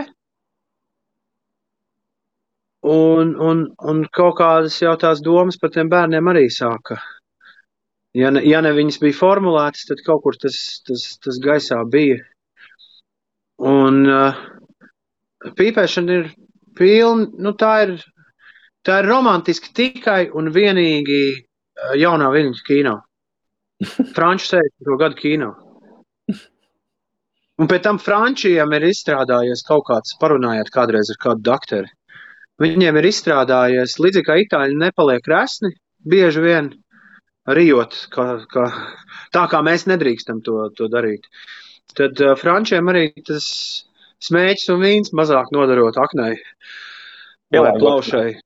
Tā runā, jā, kā rase ir, ir pielāgojusies, bet, bet jā, tas ir ska, skaisti tikai un vienīgi sēž uh, Godāra filmās, piemēram, cilvēki pīpē. Nu, tas nav, nu, Un tas ir, un tā ir akali, ja šis ir laiks, kad mēs mācāmies, bez kā mēs varam iztikt. Es ļoti ātri iemācījos, ka bez tā var iztikt. Un, ja godīgi, es biju kaut kāds nu, pīpētājs desmit gadu garumā, vai pat vairāk, 12. Un man tās pēdējie gadi bija tādi, ka dieva dēļ kaut es varētu šitos, šito nomest. Un tu stāvi tagad deģenerāts kaut kādā svētdienas rītā 12. pie tā savu dūmu nosūcēju. Un, un tev ir pretīgi, bet tev kaut kas sauc, ka tev to vajag. Vē. Nē, tāpēc, tāpēc kubas cigārs nekad nebūs. Un zālīt, man liekas, tas vairs nekad nepīpēšu. Bet tas atkal laikam, cits stāsts. Cits, cits stāsts, jā. Um, pir, pirmie pirms mūsu tikšanās man bija laika mazliet uzmest atstavam Instagram kontam. Un es atļāvos noskrot līdz pašai, pašai apakšai, un es gribēju uzzināt, vai pirmajai bildei ir stāsts. Kārlis Dagils tur ir. Tas ir Kārlis Dagils. Jā, ir stāsts. Instagrams šajā laikā, to neviens nekad nav prasījis. Instagrams šajā laikā ir uh, tikai un vienīgi Apple cilvēku iPhone uh, pasākums. Mm -hmm. Instagrams neeksistē ārpus iPhone. Un uh, es esmu nopircis savu pirmo iPhone, jo Laura man teica, tev vajag iPhone. Beidz ākstīties. Es ar kaut kādiem. Stu... À, man nebija smartphone. Es ļoti ilgi turējos tam pretī. Es teicu, priekš kā man vajag, man ir kompjuters, man ir dators. Kāpēc, kāpēc man vajag smartphone? Un es nopirku tādu ļoti biezu iPhone. Es tā neatceros. Ceturtais, piektais, tas varēja būt trešais. Bet biezais, nu tas tāds kluts. Jā. Un uh, man bija vienīgais cilvēks, kurš zināja, kuram bija iPhone, bija mans čoms, Mikls Mērāns, liels video gigants Latvijas kontekstā. Un es Mikam prasu, ko man, ko man, ko man ielikt, kādas aplikācijas ir pirmās, kuras man ir vajadzīgas. Viņš teica, ah, tu paprasi Twitterī, tev uzreiz viss sarakstīs. Es tieši tā arī izdarīju. Tiesa no privātā Twitter konta, man tāds ir kopš Twitter dzimšanas, man ir otrs konts, kurā, uh, kuru drīkst sekot, es apstiprinu tikai cilvēkus, kuri, kuri man ir svarīgi un tu ļoti, ļoti tuvi. Ne publiski, un viņš ir zem atslēdziņas. Uh, Un tad šajā kontā es arī pajautāju, kas ir svarīgākās aplikācijas, kas man ir vajadzīgas. Tur man liekas, trīs cilvēki man atsaucās, un visi viņi teica, ka man vajadzīgs Instagram. Un tagad es esmu es šeit, sēžu, saulaina diena, ir kaut kāds, izskatās, rīktīgi silts jūnijas, varētu būt. Un es esmu nu pat nopircis iPhone, Kārlis taisa ziņas, Radio 101. Es sēžu pie savu uh, kompjutera. Es esmu nopircis iPhone, nu pat ieinstalējis Instagram. Es esmu skaidrs, ka tur kaut kas jāieliek iekšā. Un Kārlis nāk galā, jo tur galā ir printeri istabā. Viņš nāk no printera, viņš ir atnācis no printeriem, tas ir viņa galds. Viņš nometas lapas, un es saku, tā, es tagad tev bildēšu. viņš uzstājas šito. un tā es viņu nobildēju. Mēs ar citu svētdienu ar Kārlu domājam uzspēlēt plates svētdienu no rīta, tādu tā kā brančiņu uztaisīt Instagramā cilvēkiem. Kārlis man joprojām ir ļoti labs draugs. Nu, jau arī tētis. Un, uh, un, un arī liels, uh, plašs entuziasts. Tā kā man ir prieks, ka tieši viņš nonāca manā pirmajā, pirmajā Instagram postā. Kur var tikt līdzi Instagram laivam, kurš būs sestdien? Manā kontaktā, Toms Grēns. Mm -hmm. Jā, nu, pagaidi, es īstenībā, nu, pagaidi, arī, arī jāsaprot, ka šitā, šādas lietas, es, es, es šajā nedēļas nogalē domāju, višķiņi iepriecināt, jā, ļaudis ar, ar mūziku uh, Instagramā, jo man ilgi gāja, kamēr es dabūju vajadzīgos vadus, lai to varētu izdarīt. Bet uh, mans, mana vēlme ir tikai un vienīgi tiešām, nu, kaut nedaudz ielikt to ar tavu lai, lai, lai cilvēki ir priecīgāki, bet tas nav, bet ja tas nenotiks, tad, tad tā nebūs liela bēda, līdz ar to es to nekur ārpus vienkārši šitā garām ejot, mhm, pastāstot mm -hmm. neafektēju. Uh, jo, ja, es nezinu, piemēram, kāda Kārļa ģimenē ir šobrīd veselības situācija. Mēs neesam sazinājušies šodien.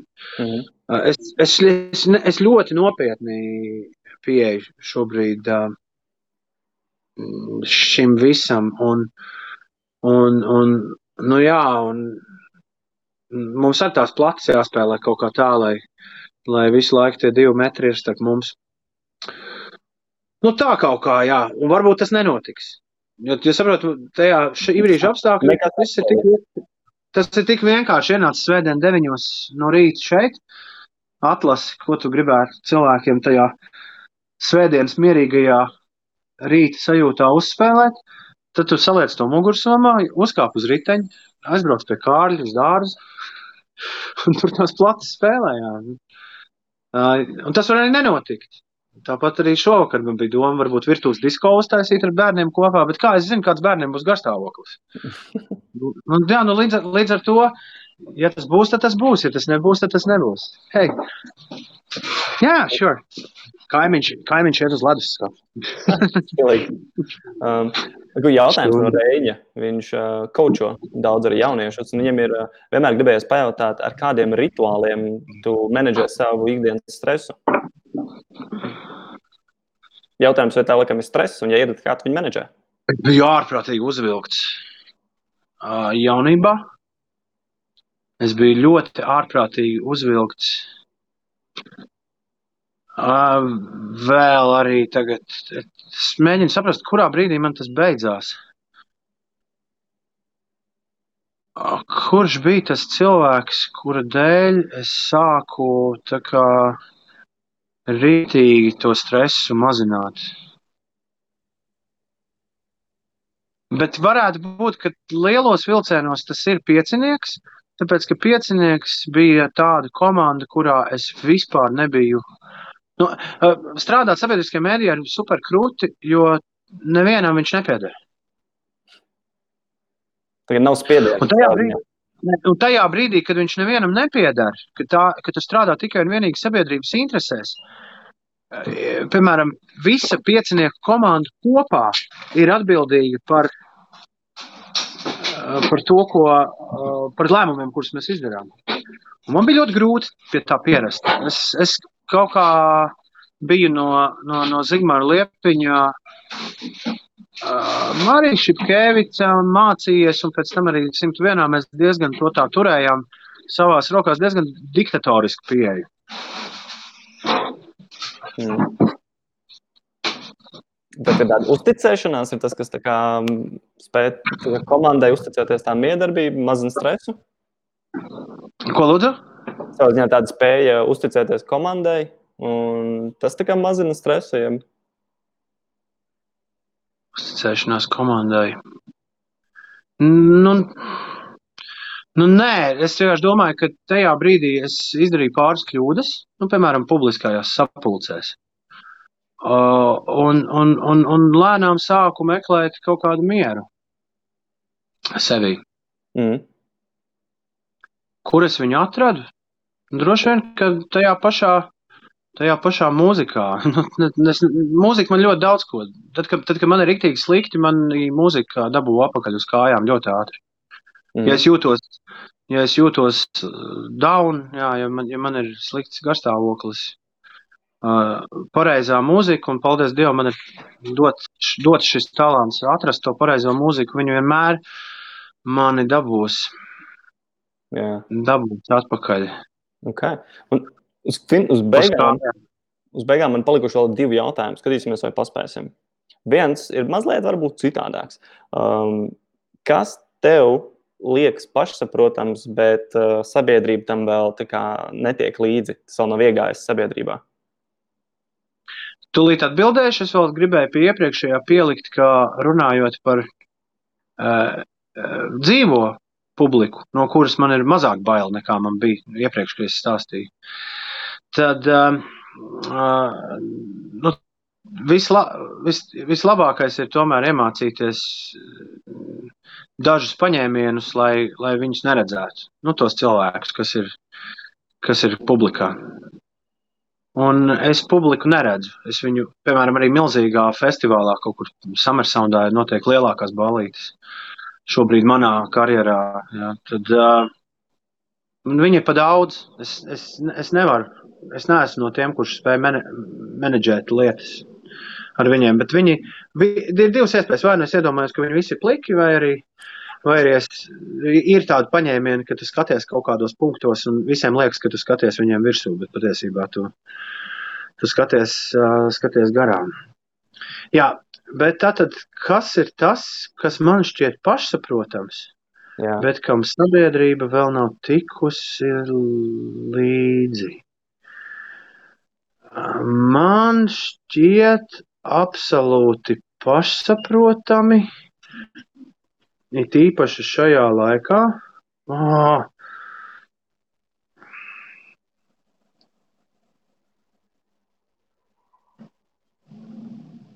Es, es apmaldījos, jo es domāju, kas ir kas, atkal no, no tāda gadžeta un tehnoloģiju ziņā, kas, kas ir tas, kas man liekas, ka mm, visi zina, kas tas ir, bet patiesībā visi nezina.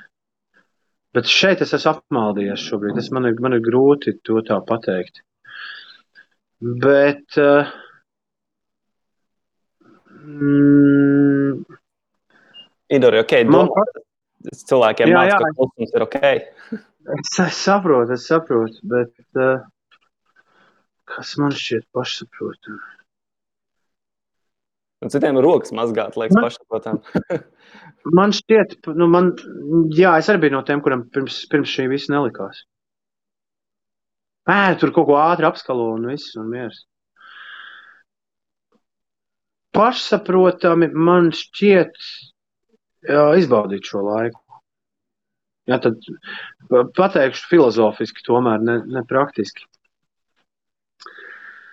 Atrast un meklēt visu laiku šajā kaut ko, kaut ko feinu, kaut ko īpašu. Es tagad lasu grāmatas, piemēram, atkal. Un tam nebija, nu, patiešām pēdējā gada laikā man tam gandrīz vispār nebija sanācis laika.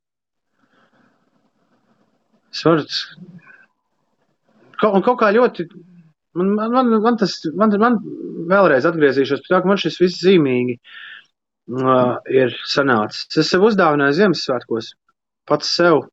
Arī starp citu, Kārlis, kurš studēja Amerikā, viņš brauc mājās, viņš prasīja, ko jums atvest. Un tad es uzdāvināju jā, tikai Amerikā nopērkamu uh, Ingmāra Bergmana boxetu ar kaut kādām 45 Ingmāra Bergmana filmām. Tagad man ir laiks viņus visus paskatīties. Nē, nu, Tas ir kā meklēt kaut ko, ko baudīt, un arī atļaut sev izbaudīt. Nu tieši, tieši tā. Šis, es, man ir, gru- es saprotu, kāpēc mēs da, ļoti daudz cilvēku šobrīd uzskata, ka viņiem atkal nav laika. Tāpat kā nebija laiks nu, iepriekšējā dzīvē. Ka bija tāds nosēdiens vai ne, uz kaut kādu nedēļu vai pusotru, un tagad atkal ir atkal, pat dzīvojot, strādājot no mājām, nekam nav laika. Jā, es saprotu, tāpēc, ka mēs šobrīd adaptējamies. Mēs esam iegājuši kaut kādā nākamajā adaptācijas līmenī, mēs mēģinām saprast, un ļoti iespējams, ka zemapziņā mēs mēģinām atgriezt. À, ja nevar atgriezt atpakaļ visu, kā bija iepriekš, tad varbūt mēs varam atgriezt, atgriezt to sajūtu, ka nekam nav laika, nekam nav laika, nekam nav laika. Bet tā ir iluzora lieta. Mm. Nu, tas, tas, tas, tas tā nav. Un, Un, un, un sliktākajā gadījumā, par ko es domāju, es vēl to neesmu sācis darīt, bet nu, ir jāsāk pašam savu dienu plānot pa pulksteņiem. Uh, un, un tajā ieplānojot arī lasīšanu, ieplānojot arī mūzikas klausīšanos un tā tālāk. Mana vienīgā ziepa ir tāda, ka man bērni var šādu režģi momentā vienkārši izcīt no ierīces. Tas ir sasist lupatās. Jā. Jo viņi iet ārā, tad, kad viņi iet ārā, un, un, un, un, un, un, un viņi pusdieno, tad, kad viņi pasaka, ēst, gribu ēst. Jā. Tad, ko interesanti, to Kārlis arī pielikstīja komentāru, kad klausos, un nebūtu Covid un nebūtu Toms, tā arī neatrast laiku paklausīties. Baigi forši. Tā kā tas atbildīgs, ka viņš ir iebūkojis savu laiku un arī paklausās. Nu, forši. Forši tas ir, tas ir labi. Nu, ka... tikai, tā mēs, ne, tikai tā mēs tiksim ar šo cauri, jo, jo ir ļoti liela varbūtība, un atkal man par to nevajadzētu runāt. Bet ir, ir, ir, ir iespējams, kā rīt vai pēc nedēļas. Ir pēkšņi bums. Un, un, un, un, un, un, un noteikti tas, kas ir noticis visur, pēkšņi ir strauji saslimšanas kāpums. Un daudz jau neapzinās, ka tas var būt ļoti gari. Nu, tā kā ļoti gari. Nevis gari, mm -hmm. bet ļoti gari. Un, un to es malacis, ka tu turpini darīt to, ko tu darīji ar dzīviem cilvēkiem, no ar cilvēkiem, kuriem tu varēji, varēji pieskarties, tad, kad tu varēji pieskarties. Uh, Katram ir jāturpina darīt tas, ko mēs mākam vislabāk. Līdzīgi, nezinu, vai tu esi pamanījis man 55 playlistu projektu. Pierakstīšu. Es, tas ir gan ar rītiem kopā bišķi sasaistīts pasākums, bet Es kaut kādā sestajā vai septītajā ārkārtējās situācijas dienā pateicu, ka es turpmāk, kamēr vien ir ārkārtējā situācija, Latvijā uztaisu Spotify playlist ar 55 dziesmām, un katra playlist ir par kādu noteiktu tēmu. Šodien, piemēram, ir dziesmas, ar kurām kaitināt kaimiņus. Vakar, piemēram, bija 55 melodijas jogai un meditācijai. Aha. Tad uh, vispopulā, vislabāk, man liekas, man sanāca 55 uh, dziesmas par sauli, tā kā saules dziesmas. Un, un, un ļoti populārs ir, piemēram, dziesmas par meitenēm, vai dziesmas parastam treniņam, vai aktīvam treniņam. Tā kā jā, un es taisu šādu kolekciju, e-punkts uz slīpsvīt ir 55 dziesmas, to var ierakstīt, 5 ar cipariem. Un tad, tad tu tur nonāksi, jā, Un š, tas ir, tā ir viena no lietām, kuru es darīju profesionāli, par ko man bieži maksāja naudu dažādi zīmoli, pirms šis viss notika. Un, un, un, un, un, un es zinu, ka man tas dažreiz tīri labi sanāk. Un, un, un, un, jā, un, un brīdī, kad es domāju, ka nevienam zīmolam simts gadus vairs nevajadzēs. Uh, jo parasti viņiem viņa vajag, lai viņi kaut kur atskaņotu. Jā, visos gadījumos, kad es to esmu darījis, viņiem vajag, lai viņi kaut kur atskaņotu. Viņiem nav kur vairs viņu atskaņot. Viņiem nevajag ne šādu listi. Es, es vienkārši sapratu, ka es savu laiku varu iedot, lai, lai cilvēki jā, vismaz paklausās foršu muziku. Un, uh, vai, muļķīgu mūziku, vai īpašu kaut kādu mūziku, bet vienalga. Nu, lai, lai ir kaut kas, kas mūs dzen uz priekšu, lai ir kaut kādi jauni rituāli, kas, uzrodas. Un tā es katru rītu ap pulksteni 10, 11 ielieku Spotify un Facebookā kādu jaunu, kādu jaunu playlisti. Un šis, protams, arī dod ļoti daudz profesionāli. Es, piemēram, arī daudz ko pats atklāju cauri šim. Bija e-punkts uz 55. Slīpsvītra 5-5 dziesmas, jā. Jā, es vienkārši pierakstīšu komentārā, lai uzrodās arī. Tas pārforvardē uz uh, uz, uz mana mūzika, kas ir uh, Latvijas izpildītāju, autoru un izpildītāju asociācijas mājaslapa, viņu, viņu portāls par mūziku, kas viņiem atļauj kļūt par šī projekta galveno mājaslapu, bet Spotify viņas visas ir arī, ja tu piesako man Spotify, tad, mm -hmm. tad arī viņas redzēsi. Nu jā, un, un, un, un, un tas ir, es šo jau esmu teicis vairāk kārt no rīta par radio, teicu Laurai podkāstā, Mums ir visiem jādara tas, ko mēs mākam darīt vislabāk tagad. Vienalga, un mums ir jādomā, kā mēs adaptēsimies šiem jaunajiem apstākļiem. Es, piemēram, ļoti iespējams, protams, ka mēs visi arī radio skatāmies. Es ļoti iespējams būvēšu šajā, šajā telpā, kas ir, kas ir vienkārši noliktā. Ļoti iespējams, ka es būvēšu jau profesionālāku radiostudiju, lai pavisam attālināti varētu notikt, notikt rīta radio un varbūt arī, arī vēl kāds cits radio raidījums. Nu, ir, ir, jās, ir jāštuko. Mm. Ir, ir, ir, ir jāštuko. Cerams, cerams, ka tas viss pārredzamā nākotnē beigsies. Bet, bet, bet ja nu nē, tad es nebū, negribu būt to vidū, kuriem ir sagrautas kaut kādas ilūzijas, kas viņiem bija. Mm. Un, un, un, un man nevajag, nu, tas vēl viena atklāsme. Es visu laiku pirku, tagad man bija ļoti labs uzrāviens finansiāli, bet es pirku drāņķus visu laiku. nu, nu, nu, jā, protams, ka es pirku vairāk filmas un vairāk plates nekā, nekā iepriekš arī. Tas, tas forši. Bet, bet viss pārējais, es pirku kaut kādus drāņķus. Nu, un priekš, un priekš kam? Un, un, un, jā, un es bez viņiem mierīgi varu, varu dzīvot. Man blakām ir cilvēki, kurus, tie cilvēki, kurus es visvairāk mīlu. Um, jā, ko, nu, ko, ko, man, ko, man vairāk, ko man vairāk vajag? Un, un es, es domāju, ka jā, mums, lai, lai arī ir, ir grūti līdz galam aptvert to, ka mēs neesam vienīgie, ka šis notiek uz visas planētas šobrīd. Pilnīgi mm. visur, visās tajās vietās, kur mēs esam bijuši. Bet es esmu dzīvojis līdz šim pietiekami a, a, a, godīgi pret sevi. Un tāpēc es jūtos ļoti labi. Es, es vēl, nu, kā es tev teicu, vēl, es šogad biju jau vēl pagūvu aizbraukt uz diviem koncertiem. Šis ir tāds brīdis, kad, kad ir at, man dzīvē atsākās kopš pagājušā gada tāda ļoti forša, ko es darīju senos laikos, tajos pirmajos resnajos gados, kad tu vienkārši pēkšņi sestdien no rīta aizlido uz Kopenhāgenu, vakarā aizies koncertu un svētdien uh, lido mājās. Es tas, man, man šogad vēl bija, man šogad pat bija tādi divi braucieni. Viens bija pavisam, pavisam, pavisam vēl nesen, par ko es Satoriju tūlīt uzrakstīšu. Un, uh, un, un es, es, es esmu redzējis pasauli, es esmu, es esmu saticis visdažādākos cilvēkus. Un, un, un tās ir brīnišķīgas atmiņas, kuras turpina mani nu, dvēseliski barot. Es nezinu, es iespējams sāku jau runāt pavisam tā ēter, ēteriski. šajā, šajā brīdī. Bet, tu tādu kā nojausti nākušo jautājumu gan arī jau, kas arī ir tāds pēdējais bet, svarīgais. Bet tas ir tas, kā, nu es tev mēģinu vienkārši pastāstīt, kā es, kā es jūtos un, un, un, un, un, un, un man sauc visu laiku runāt visādas Bet vajadzētu atnākt tev jauniešus iedvesmot, nu tā kārtīgi. O, laba doma, es šodien ielikšu, es par šo runāju. Uh, subject creativity. Es neesmu ielicis joprojām savu subject creativity runu, uh, kur man pašam bija ļoti svarīgi par Davidu Bovinu mākslas analīzi. Bet tur es tieši par šo runāju, ka man aicina, uh, ka es esmu cilvēks, kurš patiesībā, tad, kad es izvēlējos savu profesiju un sapratu, ka visu dzīvi es darīšu radio, ko es gribēju? Es gribēju būt viens pats maksimums ar producentu vienā telpā, kur man neviens neredz.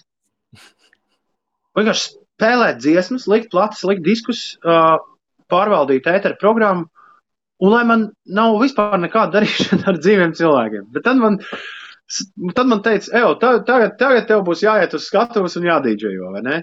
Tad man teica, un tad man vienā brīdī sāk teikt, tev ir jāiet, un, un īpaši tas uzņēma apgrieziens pieciniekam parādoties, jo tas mums ir, ir ļoti svarīgi, tas ir veids, tiešais veids, kā mēs uzskatām, kā mēs lasām auditoriju, ka mēs ejam pie vēlamās mērķa auditorijas un ar viņu runājam. Un kopš tā brīža man ir bijuši gadi, kad es mēnesī pat vairākas reizes lasu, nu tā, jā, nu tad pasauc man, pa, izstāst kaut ko motivējošu. Un es runāju par rādio, es runāju par savu, par savu dzīvi, un, un, un neviens man neteica, ka man būs jākļūst par, par speakeru vai ne, par, par motivējošo lektoru.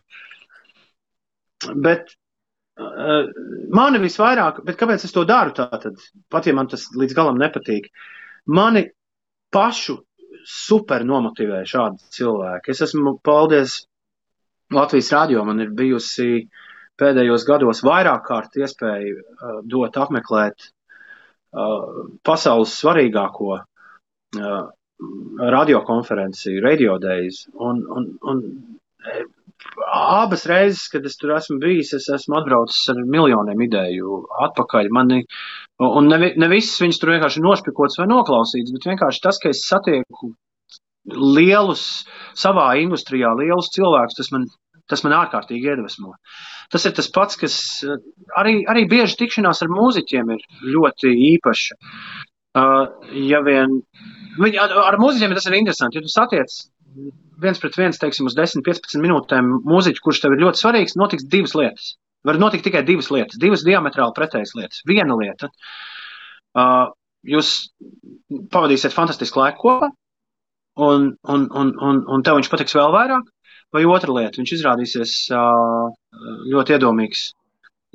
Vai ļoti nogurs. Arī tas var gadīties. Ļoti nogurs cilvēks, kuram ir pilnīgi vienalga par to, ka tu ar viņu runā. Un, uh, diemžēl, tas atstās pēc tam arī iespaidu uz tevi, kā tu to viņa mūziku klausīsies. Jo tu pēkšņi ieraudzījis nu, viņu, uh, viņu pa īstam. Mm. Bet, uh, nu jā, un tas man iedvesmo. Arī tajā dzīvajā dīdžingā, ko es šodien nepieminēju, uh, to es visiem vienmēr stāstu. Es īsti nesaprotu, kas man jādara. Tā, kad es tagad spēlēju dziesmas diskotēkā, kā man ir jāuzvedas, kas man ir jādara. Man pietika ar vienu Fatboy Slim uh, uzstāšanos Roskildes festivālā. Pirms vēl DJ bija festivāla programmās. Parasti DJs lika tajā 21. gadsimta sākumā, DJs lika kaut kur nostāk tādās teltīs. Nu, jā, tur jau DJ. Mm. Latvijā vispār tas bija kas. Fono Festa bija pirmais festivāls, kurš uzrakstīja manu uz plakātu, nu, piemēram, festivālā. Nu, jo DJs jau neraksta. Nu, kā grupas beigas spēlēt, kaut kāds DJs tur ir. DJ bija āksti. Nu, joprojām, Ne, joprojām viņi ir, bet viņi ir uh, mēdz pārdot tāpat kā grupas tagad. Kas, protams, man dikti patīk. Bet, uh, bet Fatboy Slim bija pirmais, ko, ko es savā dzīvē redzēju, kurš bija pārdots kā grupa. Un es biju arī pārliecināts, ka viņš ir kaut kādiem dzīviem, jo tajā laikā elektronika bieži tā darīja. Mailo bija tāds džeks. Viņš ar grupu visus tos savus elektroniskos gabalus spēlēja. Un man liekas, Kalvins Harris arī tā sāka. Bet Fatboy Slim pēkšņi skatos, bija fantastisks Morisēja koncerts. Nē, no, nu, Morisējs bija atpakaļ, atgriezies ar jaunu, perfektu albumu. Pēkšņi Morisējam bija renesance. Un viens no pirmajiem koncertiem, ko viņš spēlēja Eiropā, ir Roskildē. Un, un, un tas ir Amazeballs nav īstais vārds, kā to aprakstīt. Kaut kas, kaut kas netverams skaists. Un viņš vēl ar There's the light that never goes out nobeidz to visu. Un, un es no tā Morisēja tāds pār ar tādu dievišķu Morisēju auru apveltīts. Es domāju, jāiet gulēt. Nu, kad nevar, pēc šitā nedrīkst vairāk neko. Skatos programmā, tad grāmatiņa Roskildē, skatos, ah, nē, uz Orange Stage ir Fatboy Slim. Nu, aizies 5 minūtes apstīties, ko viņš dara. Un viņš ir izvilcis. Viņš ir izvilcis skatītājos, viņam ir tāda mēlīte uztaisīta, viņš ir izvilcis skaņu plašu atskaņotājs, un demit, viņš spēlē plates. Tas nav koncerts. Viņš spēlē plates, viņš spēlē hausiņu riktīgi. Es eju tuvāk, cik tu, es eju tuvāk, man šis jāredz. Un es vienkārši palieku uz divām stundām. Un viņa, viņš nerunā mikrofonā. Viņš, vi, viņš vizuāli komunicēja ar cilvēkiem, viņš rakstīja uz plašu, baltajiem vākiem virsū visādus saukļus ar flomasteru un rādīja tos kamerā. Un tie gāja uz lielajiem ekrāniem. Un tu saproti, tā ir pirmā reize manā dzīvē, kad es redzu, ka 40 tūkstoši cilvēku jūg prātā disenē. Viņš tur spēlēja, jā, tā, kad viņš tika līdz Daft Punk remiksētajiem Frans Ferdinand, Take Me Out un Prodigy Out of Space. Vienkārši visi, visi bija pa gaisu. Un tajā brīdī es Jā, tajā brīdī es sapratu, ka yes, man ir atslēga, kas ir jādara. Un, un es vienkārši atradu sevi. Un, un, un, un tas šajā gadījumā Normans Kuks man ļoti, ļoti iedvesmoja. Un, um, un, un, un kaut kā sanāk, es tā nojaušu, ja jau man aicina tur visādos šādās lietās, ka no tā, ka es iedvesmojos no citiem, uh, nu, tad man kaut kā arī izdodas iedvesmot vēl kādu. Un, un, un tas ir arī pašmotivācija sev. Ja, ja kaut viens cilvēks, ja kāds, piemēram, nezinu, es tur runāju simts jauniešiem, ja kaut viens no viņiem kaut ko no tā iegūs, to atcerēsies un to liks aiz, aiz auss, tad to ir bijis vērts darīt. Jo mēs dzīvojam laikā, kurš, kurš ir pilns ar dezinformāciju un visādām, un visādām muļķībām. Tev raksta tāpēc man- man... jaunieši? Vai kāds pēc, pēc tavām tikšanās reizēm? ko, ko tieši? Nu, kaut kāds paldies vai atziņas, oh, wow, tas tur bija Nu, bailīgi. jā, paldies, paldies, jo viņi, paldies, viņi, protams, raksta. Bet, eh, bet nē, tādas. Nē, nu, bieži, bieži ir tā, ka tur pasaka, wow. Es saprotu, ka man reiz viens puisis teica, Alberta koledžā, laikam es runāju. Viņš teica, tas ir neticami, tu un esi pirmais cilvēks, nu, viņš bija kādā trešajā kursā. Tu esi pirmais cilvēks, kurš nesaka, ka piķis ir svarīgākais. Nu, bet nu nav arī. Nu, tu, man patīk, reiz bija noķerts par šo. Ir, reiz bija noķerts kaut kāds igaunis Latvijā, kurš bija vairākos restorānos ēdis bez maksas. Bet galvenajos viņš bija uz Vincentu aizgājis, uh, uz Neiburgu. Nu, tā kārtīgi, vēl, vēl vīniņu iedzērs uh, dārgu. Viņi noķēra policiju. Un viņi prasa viņam, nu, kāpēc tu tā darīji? Kāpēc tu gāji uz tiem restorāniem? Un viņš saka, nu kā, nu, man vienkārši garšo ļoti labs ēdiens. Bet šobrīd tā situācija ir tāda, ka man tas naudas nav. Nu, tā, tā viņš ir. Nu, vienu brīdi viņi ir, un vienu brīdi viņi nav. Un tas ir, tas ir tik vienkārši. Man ir bijusi, es nāku no, man, man ģimene bija tā, kas ļoti trūcīgi pārcieta politikas maiņu. Jā, ļoti traki, nevis trūcīgi, nu traki. Bet, bet bija dienas, 90 no gada sākumā, bija īpaši, kad tēvs man, man aizgāja tēvs 90 no sākumā, un nu, bija, bija dienas, kad tev ir tikai baltmaize vai griķi mājās. Tas nav bez, bez nekādiem jokiem. Tu zini, ka vēl kaut kādas divas dienas tā būs. Un, uh, uh, jā, un arī pēc tam ir bijuši dzīvē periodi, kad, kad, kad ir, ir, ļoti, uh, ir ļoti slikti ar finansēm. Nu, un tas ir tas, ko es sev tādos brīžos atgādinu. To, ko teica šis igauņu vīrs, gardēdis. Uh, karstais, ne, augstais gardē, lēnais gardēdis. Viņš teica, ka nu, tā ir. Vienu dienu tā nauda ir, un vienu dienu tā nauda nav. Un ja tu viegli uz to tā arī skaties, tad, tad kā man ir arī Kārla Dagila vairāk kārt šodien pieminēja, kā Dagils reiz teica, viņš man rakstīja vienā čatā, nu, par laimi, tev tā nauda gan viegli iet, gan arī viegli nāk.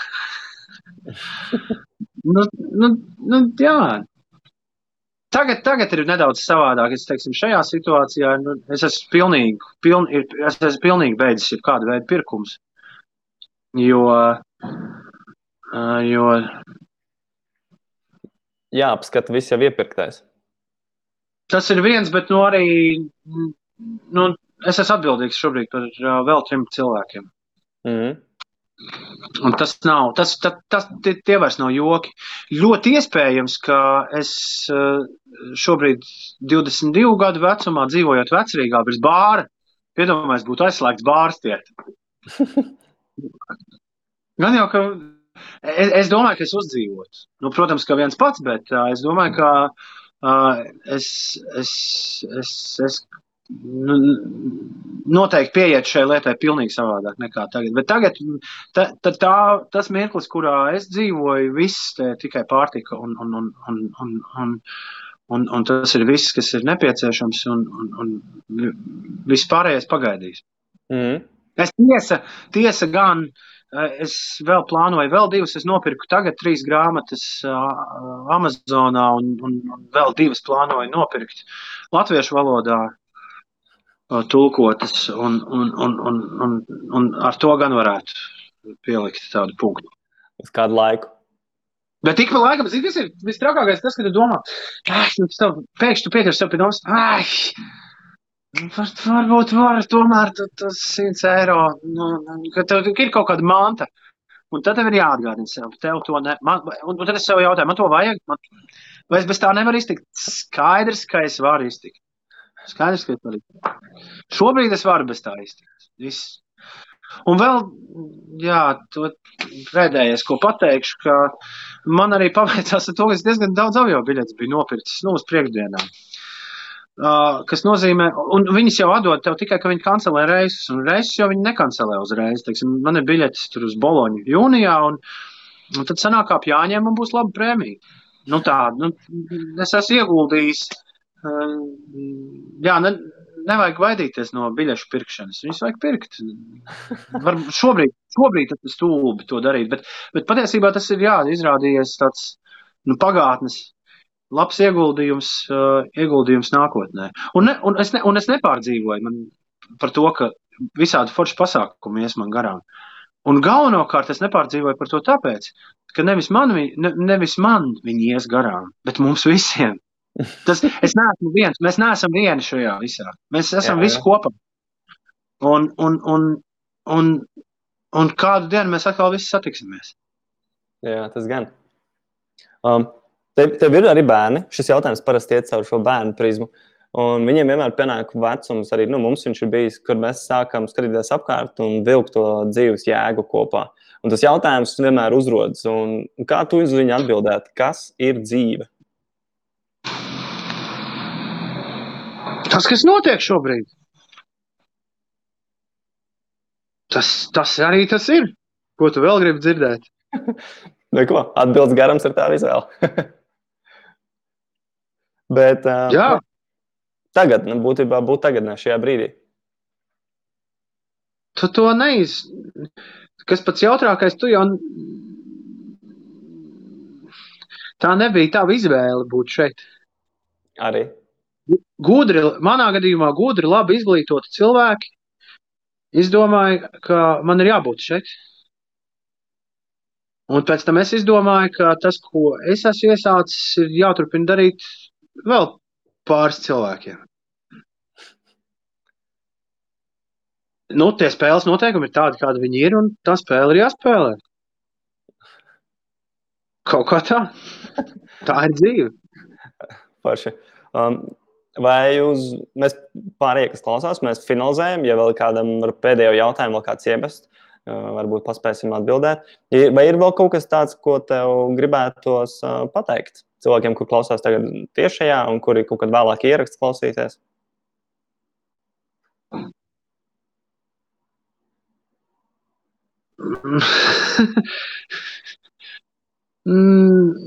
Dzeniet dusmas prom. ne, nu, jā, jo, jo tās, tā neziņa par to, kas šis viss ir, viņa ļoti viegli var pārtransformēties dusmās. Dzeniet dusmas prom. Nu, man ir izdevies pāris. Es biju pāris, uz, uz pāris cilvēkiem rīktīgi uzvilcies šonadēļ. Ievelc, ievelc gaisu, noskait līdz desmit. Un tad pajautā, vai tas ir svarīgi? Nu, tas, par ko tu tagad gribēji izgāzt, tas, vai tas, vai tas ir būtiski, vai tas ir svarīgi? Skaidrs, ka tas nav svarīgi. Viss, nu, nu, nu, nav, nu, nav. Nu. Aiziet, dzīvojam, dzīvojam tālāk. Kustamies uz priekšu. Jā. Kustamies uz priekšu. Jā, forši. Pēc šīs spēlēšanas būs jāizsaka. Varbūt pat tiešām vajag kādu spējienu. Tev te jānoteikti atzīstas, jā, sorry par to. Mēs kaut kā. Jā, es izdzēru. Ā, tu izdzēri? Nē, es viņu izdzēru. Ā, ok. Es izdzēru. Um, no manas pirmkārt, liels paldies, ka veltīji laiku padalījies ar savu kolekciju aiz muguras, kas tev tur ir pieejama. Par... Man, prieks, man prieks bija ar tevi iepazīties. Es ceru, ka mēs kādreiz satiksimies arī dzīvē. Es esmu bijis vienā tavā stāstā, kaut kur Kaņepes kultūras centrā. Kaut kad bija ļoti interesanti. Tas bija pirms tās uh, ziedojuma vākšanas akcijas. Bija, uh... Tas bija, tas bija fakapnēts. Nu, tas es neatceros. Man liekas, ka nē. Tas bija kaut kas cits ārpus, ārpus ierakstā. Man kaut kur citur pieaicināja, lai es arī atnāku un paklausos. Ah, nē, es atceros. Es atceros. Tas bija kaut, kāda, tas bija kaut kādai jauniešu asociācijai. Pareizi, pareizi. Jā, jā, jā. Nē, mēs, es nevis klausījos, bet dalījām skatu. Nu, es klausījos un pēc tevis biju. Nu, jā, tagad es atceros. Jā. Ah. Nu, bet, re. Jā. Jā, atceros to dienu. Es atceros.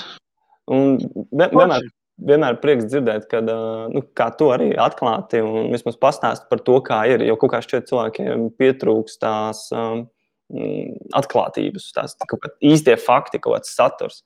Vismaz kaut kā novērojami izveidojušies pēdējā laikā. Un... Redz, mana, mana tā ziepa tāda, ka man ir katru rītu jārada saturs no, no debesīm. Mēs, piemēram, arī Mums pagāja divas nedēļas, līdz mēs adaptējāmies. Pirmkārt, es divas nedēļas mājās sēdēju un raidīju no palodzes. Un Inês bija studijā, tagad mēs samainījāmies, tagad es esmu atpakaļ radio. Bet uh, jau mēs bā, ļoti ātri sapratām, ka nu, neies krastā tagad katru dienu runāšana par Covid-19, par koronavīrusu, UTT, UTJP. Un, un mēs paši spēlējam spēli cik ilgi mēs spējam izturēt, vispār, nu, vispār to nepieminot. Un līdz ar to saturs, kuru mēs radām, viņš ļoti bieži ir saturs, kurš rodas no nekā, no, no piedzīvotā it kā ikdienā, bet mēs šobrīd ikdienā neko baigi nepiedzīvojam, līdz ar to viņš tiešām ir, ir, ir jāštako no nekā. Un, un, un, bet tas ir ļoti labs tāds, tas ir, tas profesionāli labi ievingrina arī, arī, arī, arī, arī pārējā dzīvē, nu, ļoti līdzīgi darboties. Un tāpēc man, tāpēc man nav, man ir tieši pēc šādiem pašiem principiem, kā taisot radiorēdījumus, arī izvērtēju saturu, kur es sniedzu personīgi, nu, kā Toms, Toms. Grēviņš. Un, un, un es gribu jums nogādāt labāko saturu, kur es varu uh, radīt. Nu, tas kaut kā tik vienkārši. Tik vienkārši. Superīgi. Jā, paldies tev vēlreiz. Paldies! Jā, lai tev izdevīgi, iz,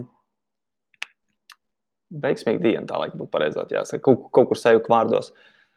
Bet, Super. uh, jā, paldies tev vēlreiz un visiem pārējiem. Un, Atā! Jā, čau! Atā!